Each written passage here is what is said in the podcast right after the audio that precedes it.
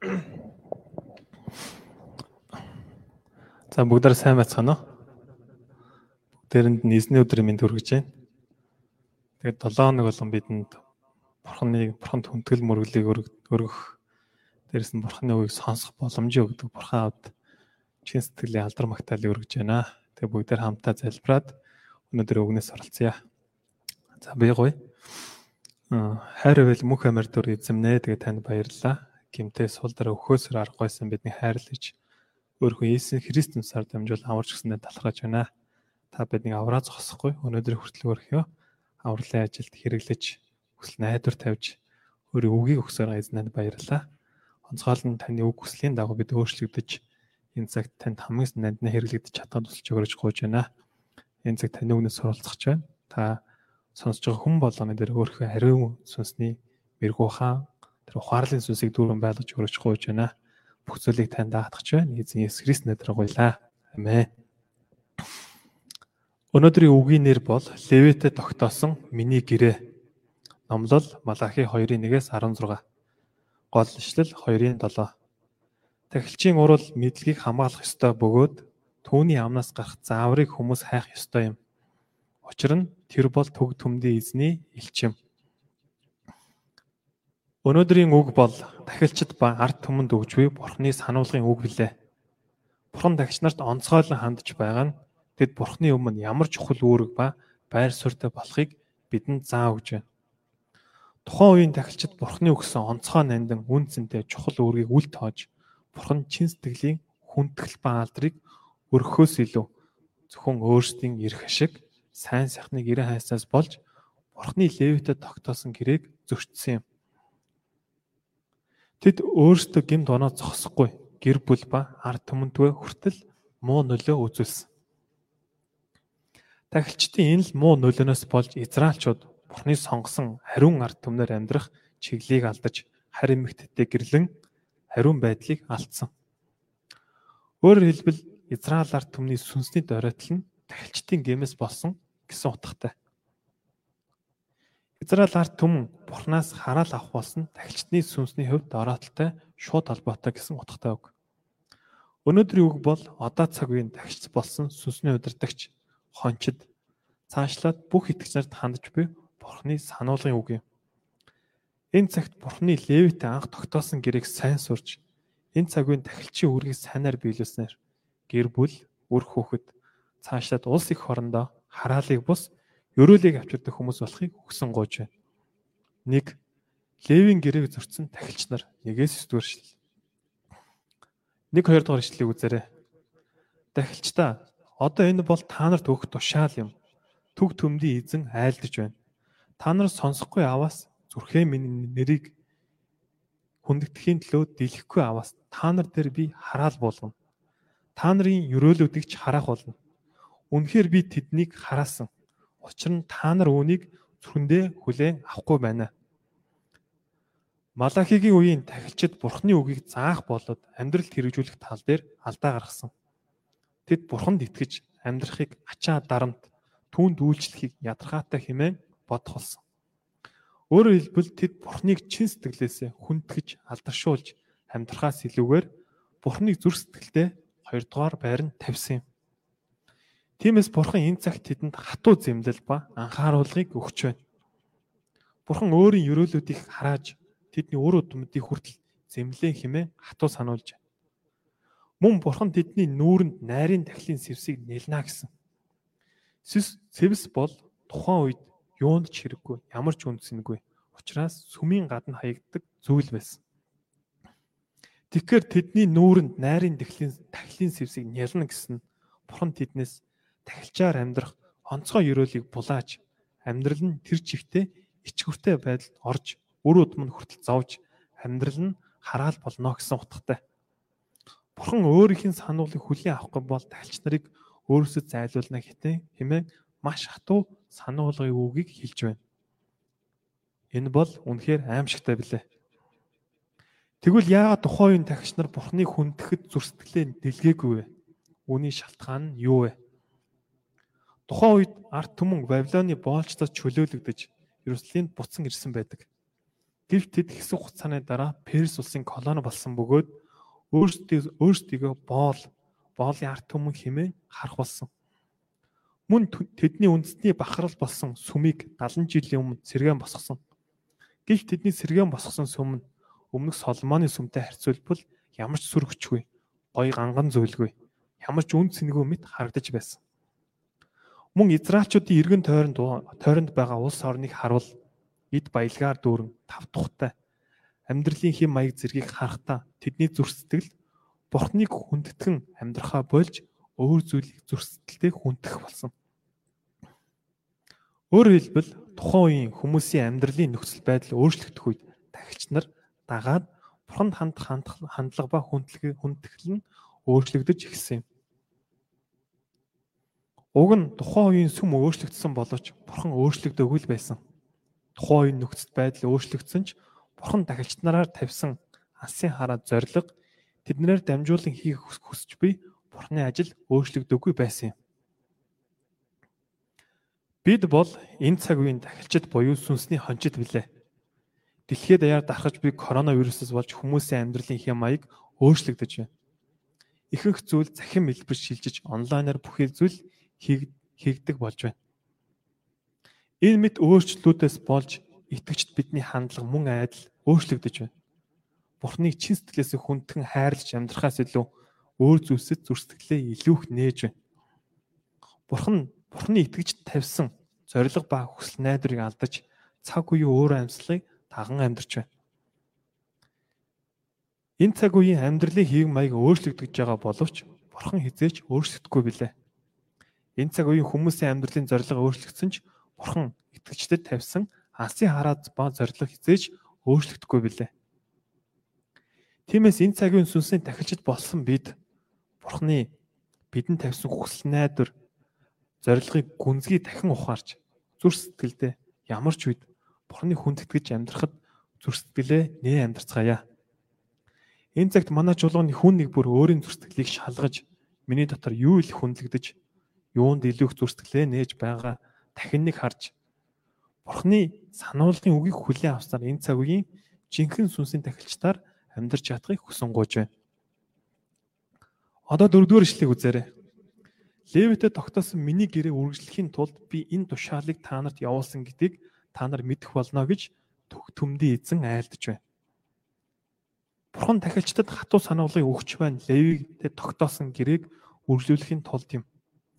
Өөрөөр хэлбэл Бурхан тухайн үеийн тахилчдыг шийдэхийн тулд бус харин үргэлжлүүлэн тахилчдыг өрөөж алдрыг идлүүлэн амьдруулахыг Бурхан хүссэн юм. Тэр Бурханы хилж буй сануулгын үгийг хүлээн авч зүр сэтгэлдээ Бурхны хүндтгэл үргэлжлүүлэн Бурхан тэдний амьдралыг өрөөж тагчлаар дамжуулан эхлүүлсэн ажлаа дуусгахыг Бурхан хүсэж байгаа юм. Тэгвэл Левитэд тогтоосон Бурхны гэрээ нь юу вэ? 5-ын А-г үзээрэй. Түүндээ тогтоосон миний гэрээ нь ам ба амар тайвных бөгөөд би тэдгэрийг түүнд эмэх зүйл болгон өгсөн юм. Хуучин гэрээний тоолго намаас харуул Левитэд тогтоосон гэрээ нь Бурхан Леви овгоос Аароны өрөөдмийг тахилж болон Бурханы сүмд үйлчлэн үйлчлэн дахил өргөх онцгой үүргийг гүйцэтгэхээр тогтоосон гэрээ байдаг. Бурхан энэ гэрээг ам ам ба амар тайвны гэрээ гэж байна. Учир нь гэвэл Аароны өрөөдөм тахилчийн үүргийг Бурханаас имэн хүндэх сэтгэлээр биелүүлэх үед Бурхан ам ба амар тайвныг Бурханы ам ба амар тайвныг амсан амьдрах болно. Мөн тахилчд Энэ үүргийг ийм хүсэтгэлээр биелүүлэх үед арт түмэнч Бурханаас ирдэг амба амар тайвныг эдлэн амьдрах болно. 5-ын бэ 6 дахь ишлэгийг үзээрэй. Тиймээс тэр надаас имэж нэрийг минь бишрэн зогссон. Түүний аманд үнэн заавар байсан бөгөөд шудраг бус нь түүний уруулаас олдоогүй. Учир нь надтай хамт амар тайван зөвхт байдал дотор алхаж олныг хилэнцээс буцаа эргүүлсэн гэж байна. Энд левичүүд бурхныг маш сайн хүндэж байсан жишээг бурхан дурдж байна. Левичүүдийн анхны энэл жишээ нь Египтээс гарсны дараа болсон үйл явдал билээ. Израильчууд Египтээс гараад цөл явж байхдаа Мосес Синаа ууланд гарan бурхны 12 хууль 12 хуулийг авсан байдаг. Яг энэ үед Израиль ард түмэн бурхан бурхны эсрэг тэрслэн алтан дугуйл бүтээдэг. Энэхүү асуудлыг бурхан Мосогоор дамжуулан шийдэх үед Левичүүд Бурхныг хүндэтгэн Израильчуудыг гимжилт урайлж Бурхан руу ирэхэд маш том нөлөө ба тусыг үзүүлсэн байдаг юм. Бурхан тэдний энэ л үйлдлийг нь өндрөөр үнэлж ирээдүйд Израиль ард түмнийг энэ л аргын дагуу үйлчлэх тахилчийн үр үүрэгт томилсон байдаг. Энэ л Левийн түүхээс харуул тахилч хүний үүрэг ба хандлага ямар байх ёстойг бидэнд заа өгч байна. Тахилч хүний үүрэг нь хондийг гимшилд урайлж Бурхан руу ирэхэд туслах туслах явдал гэдгийг хэлж байна. Ийхүү үрийг биелүүлэх гэвэл бид эхлээд өөрсдөө Бурханаас эмээ үтг сэтгэлийг маш сайн сурах хэрэгтэй. Тэгвэл бид энэ цагийн оюутан залууст Бурхны үг ба заавраар үйлчлэхэд тэдний гмийн замаас буцан эргүүлж чадна. Гэвч Малахигийн дахилч нар ямар байсан бэ? 7 8 дахь өшлийг үзээрэй. Дахилчийн урал мэдлэгийг хамгаалах ёстой бөгөөд түүний амнаас гарах зааврыг хүмүүс хайх ёстой юм. Учир нь тэрд бол төг төмдийн эзний элчим. Харин та нарын хувьд та нар замаасаа гажиж олныг заавраар бүдрүүлжээ. Та нар Левийн гэрээг говьлсон гэж төг төмдийн эзэн айлдж байна.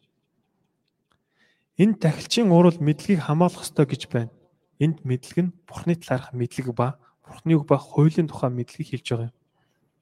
Тиймээс тахилч нар Бурхан ба түүний хүслийг Бурхан Тиймээс тахилч нар Бурхан ба түүний хүслийг тань мэдэх мэдлэгийг хамгаалж тэдгэрийг арт түмэнд хондод заан сургаж зөв зааврыг өгөх үүрэг ба хариуцлагатай хүмүүс билээ. Өөрөөр хэлбэл тахилч хүн эзний илж төлөөлөгч гэсэн утгатай. Тиймээс тахилч нар арт түмний сүнсний байдлыг цаг ямагт хянан Бурхны үг ба зааврын хүслийг дамжуулдаг хүмүүс байсан. Гэвч тухайн тагч нар Бурхны тухай мэдлэг ба заав мэдлэг ба Бурхны үгийг үгч байхгүй байсан. Тэд шудраг бусыг үйлдэн хуулийг зөрчин сүнсний удирдагчийн үүргээс холдсон. Ийм тэдний амьдралыг хараад олон хүн бүдэрсэн юм. Тэд хүмүүсийг зөв замаар хөтлөх ажлыг хийх сүнсний хүчгүй болсон. Тагилч нар бурхны үгийг өгч чадахгүй болоход арт түмэнч гмийн дунд төөрсөн.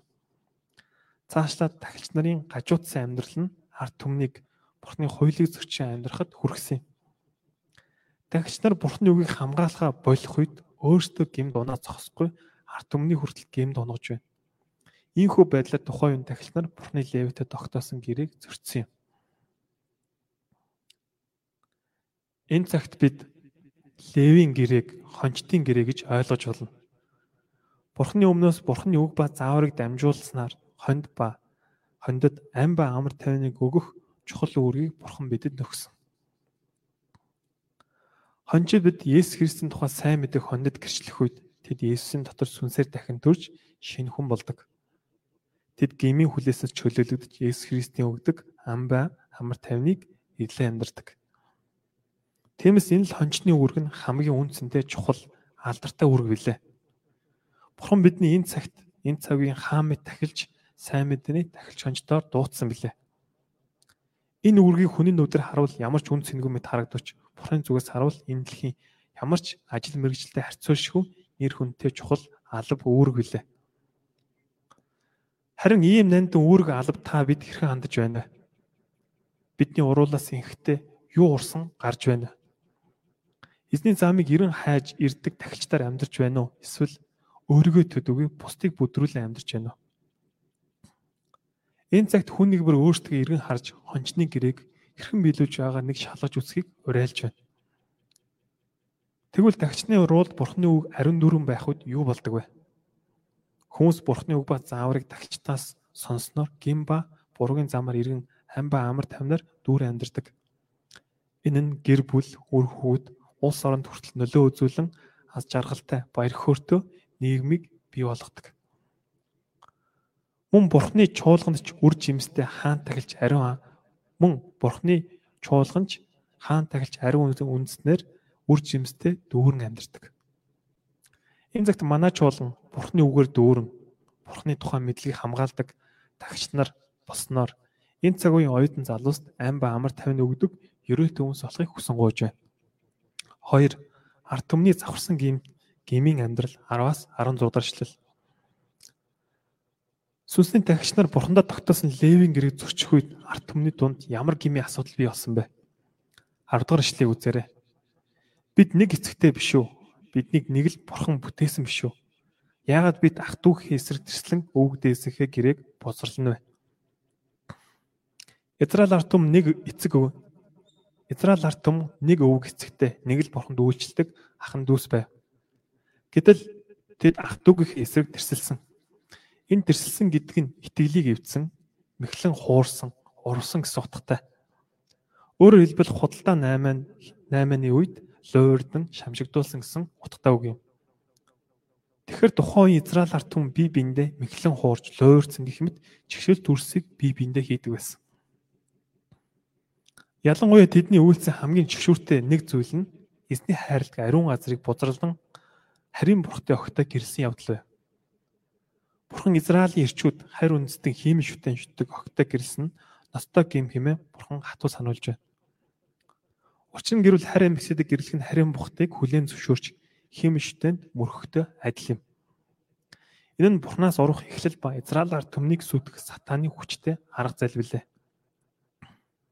Тэгвэл яагаад тухайн ирчүүд Израиль охтыг голж харь эмэгтэйдээ гэрэлсэн бэ? Учир нь гэвэл тэд эмэгтэй хүний гадна төрөх ба янз бүрийн ашиг хонжоо илүү харж итгэл ба бурхан бурхны дуудлагыг үл тоосон учраас тэр юм. Аливаа хүний гэрэлтийг харуул тухайн хүний зүрхэнд юу нь чухал вэ гэдгийг бид нар харж болно. Үнэхээр бурхныг хайрлан хүндэлдэг, бурхныг зүрх сэтгэлээ төв тавьдаг нэг нь бурхны алдрын төлөө сонголт хийдэг бөгөөд мах бодийн хүслээс илүү итгэл ба бурхын дуудлагыг нэгдүгээр тавин сонголт хийдэг юм. Энэ нь бурхны огтд хүртэл адилхан хэрэгждэг. Хоёрдугаар Коринт намаас харуул итгэж хүн үйл итгэж хүн хүнтэй гэрлэх нь ариун сүмийг бузарлах хэрэг бөгөөд жинхэнэ итгэж хүнд боломжгүй зүйл хэмээн маш тодорхой сануулсан байдаг. Тиймээс бид хизээж итгэж бус хүнтэй гэр бүл болж болохгүй гэдгийг сануулж өгч байна. 12 дугаар бүлгээс 12 дугаар ишлээс харуул ийм зүйлийг хийдэг нь тухайлбал итгэвтэйгээр бусдыг урайлдаг, дэмждэг хүмүүс нь хүмүүсийн аль аль нь Яаковын майхнаас таслагдана хэмээн бурхан хатуу сануулсан. Энэ нь бурхны ард түмний чуулганаас зайл зайлуулагдана гэсэн бурхны хатуу санаалгын үг үг билээ. Энэ бүгдээс харахад бурхан өөрийн хүмүүсүүдийг харин бурхтын үнтэй гэрлэхийг хатуу чигшдэг гэдгийг бид нар сануул өгж байна. Одоо 13-аас 16 дахь ишлэгийг үзсэн. Ишлэгийг үзээрэй энэ салд ба хүчирхийллийн асуудал байгааг бурхан бурхан сануулan өгч байна. 13-ийн ааг үзэл бурхан Израилийн ирчүүд өөр нэг өрчүүдийн өөр нэг балмад үйлдэлийг сануулan хэлж байна. Тэд зовлон жарлыг насаараа хамт үдсэн залуу насныхаа эхнэрийг орхин харь өгтөй гэрлэн эхнэрээ ташлаан зовоож байгааг бурхан хэлсэн. Ийхүү орхигдсон орхигдсон эхнэрүүд нь бурханы өмнө тахилын ширээг нулимс уйлан ба yoолох дуугаар бүрхдэг байв. Бурхан ийм юуда арчуудын балмад үйлсэд хилэгнэн тэднийг тэдний өргөлөгч ойшоохгүй хүлээн авахгүй гэсэн. Харин Израилийн эрчүүд энэ ямар шалтгаан орой хэмээн өөрсдийн гимиг тоохгүй, ухаарахгүй харин ч Бурхныг эсрүүцэн хатуу сэтгэлийг гаргасч байна.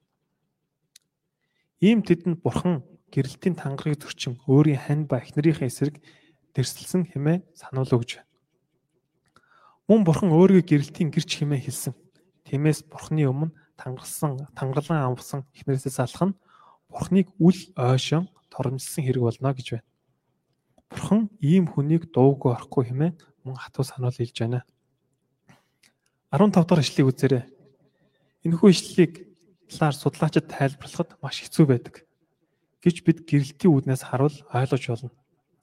Эхлэл номыг харуул бурхан анх хүнийг өөрийн дүр төрхийн дагуу ир эмээр нь бүтээсэн хэмээн гардаг. Ийхүү ир эмээр нь бүтээсэн зорилго нь бурхан гэр бүлийг ганц нөхөртэй, ганц их нартай байх амьдрах гэрэлтийн үндсэн үндсийг анх тогтоож өгсөн юм. Бурхан ийхүү гэр бүлийг ганц их нартай, ганц нөхөртэй байгуулсан нь бурханд үр төв, бурханд үр өдмийг олохын тулд бурханд үр өдмийг төрүүлэхийн тулд байсан юм. Бурхан энэ л гэрэлтийн системээр дамжуулан ир юм хоёулаа бурхан дотор ариунаар амьдарч бурханд урд удмыг төрүүлэн өсгөх тааламжтай газар болон ашиглахын тулд байсан билээ. Бурханд хоёул итгэдэг гэр бүлд өсөж буй үр хөвгөд бурхнаас эмээ хөдөгдөж бурхныг хайрлан өсдөг. Харин эсэргээрээ итгэж бус үнтэй харин эсэргээрээ итгэж хүн итгэж бус үнтэй гэрүүлвэл аль аль нь үр хөвгтэй хизээж бурхны үгийн дагуу өсгөж чадахгүй болдог. Бурхан манай чуулганы гэр бүлүүдийг Бурханаас имээдэг, Бурханы хүндэлдэг хүүхдүүдийг өсгөхөд хэрэглэж Бурхан үр өдмийг олноо төрүүлж чадахыг хүсэн гуйж байна. Одоо 16 дахь эшлэгийг үзээрэй. Зарим нь эхнэр эхнэрээсээ салаагүй нэ эхнэрээ хүчрхийлж байна хэмээн Бурхан сануулж байна. Хүчрхийлэлд хоёр янз байдаг гэнэ. Нэгдүгээрт хүч хэрэглэн зодох, хоёрдугаарт эхнэрд эхнэрт анхаарал тавих тавилгүй эхнэрийнхээ сэтгэлийг ойлгохгүй халамжлахгүй байгаа зэрэг нь ордог гин. Хэрв хэрв хэврэг савмит эмгтэй хүнд бүдрүүл бүдрүүл бүдүүлгээр харилцах нь хүчрхийллийн бас нэг өөр нэг төрөл болдог байна. Үүнээс гадна 1-р Петр номын 3:7-оос үзвэл эхнэрийн амийг эхнэрийг амийн нэгүслийг хамтран өвлөгч өөрөөр хэлбэл хамтран зүтгэж хэмээн бурхан хүндэтгэн харилцаар хэмээн сануулсан. Нөхрүүд эхнэрүүддээ ийхүү хандах нь өөрийн сүнслэг амьдралын төлөө байдаг. Тиймээс манай эрчүүд эхнэрээ тайвшруулан урмын хайрын үг ба үйлчлэлээр дамжуулан Бурхны хайрыг хэрэгжүүлж ариун сүнсээ дүүрэн гэр бүлүүдээр өсөж чадахыг хүсэн гуйж байна. Амен. Дүгнэлт. Малахигийн цаг үеийн дахиж нар Бурхны үгийн ажлыг хариуцсан арт түмнийг зөв зараар удирдах Левийн Левийн гэрээг зөрчсөн. Энэ үнэхээр харамсалтай ноцтой асуудал байв. Сүнсний удирдагч нар Бурханаас эмээ хүндлэлгүй үүргээ омартан гимэн дунд төөрөхөд арт түмэн сүнсээрээ дороотон ялзардаг гэдгийг сануул өгч. Үнэн үед үнний хэмжүүргүй гимээр дүүрэн болсон энэ цагт сүнсний тахиж болсон бид энэ л үүргийг үнцэндээ утга учиртай утга учиртай гэдгийг гүнзгий тунгаан бодох хэрэгтэй. Энэ цагт биднийг утгагүй хоосон хэрэгцээгүй байсан амьдралаа сонгон авч сайн мэдээний үнцэндээ тагч нар болгон дуудсан дуудсан ивэлийг дахин сэргэн чадахыг хүсэн гуйж байна. Тэгснээрээ бидний уруулаас Бурхныг таних мэдлэг ба түүний үг урсан гарч замаа алдан төрж буй энэ цагийн оюутан залууст үнний үгийг заавраар хөтэлдэг мөх амба амар тайвныг өгдөг лагч нар болохыг хүсэн гуйж байна. Амен. За би энэ цаг залбирая. Хайр авил мөх амаар дөрвөн эзэмнэ гэдэг танд баярлалаа. Та энэ цагт бидэнд Малахи 2 дугаар бүлгээр дамжуулан тахилч нарын үүргийг дахин сануулж таны үн бид хэрхэн амьдрах ёстой вэ гэдэг гэдэг зүйлийг зааж өгж байгаа эзнэд баярлалаа. Харин бурхан аваа тэгээ та биднийг бас энэ цаг үеийн онцгой үүрэгтэй тахилч нараа сонгосон талархаж байна. Эзэм нь бид танаас эмээх, таны хүндлэх зөвхөн тань зөрсгөлээ нээхийг нээхэд та бидэнд тусалж өгөөрэй юм танаас хичээнгүлэн гуйж байна. Тэгснээрээ бид энэ цаг үеийн аваа оюутан залуус таны амийн үгийг дамжуулдаг ам ба амар тайвны өгдөг тагч нар өсгөд тусалж өгөрөж гуйж байна. Энэ цогцсонд баярлаа. Бүх зүйлийг танд даатгаад эзэн Есүс Христ нэрээр гуйлаа. Амен.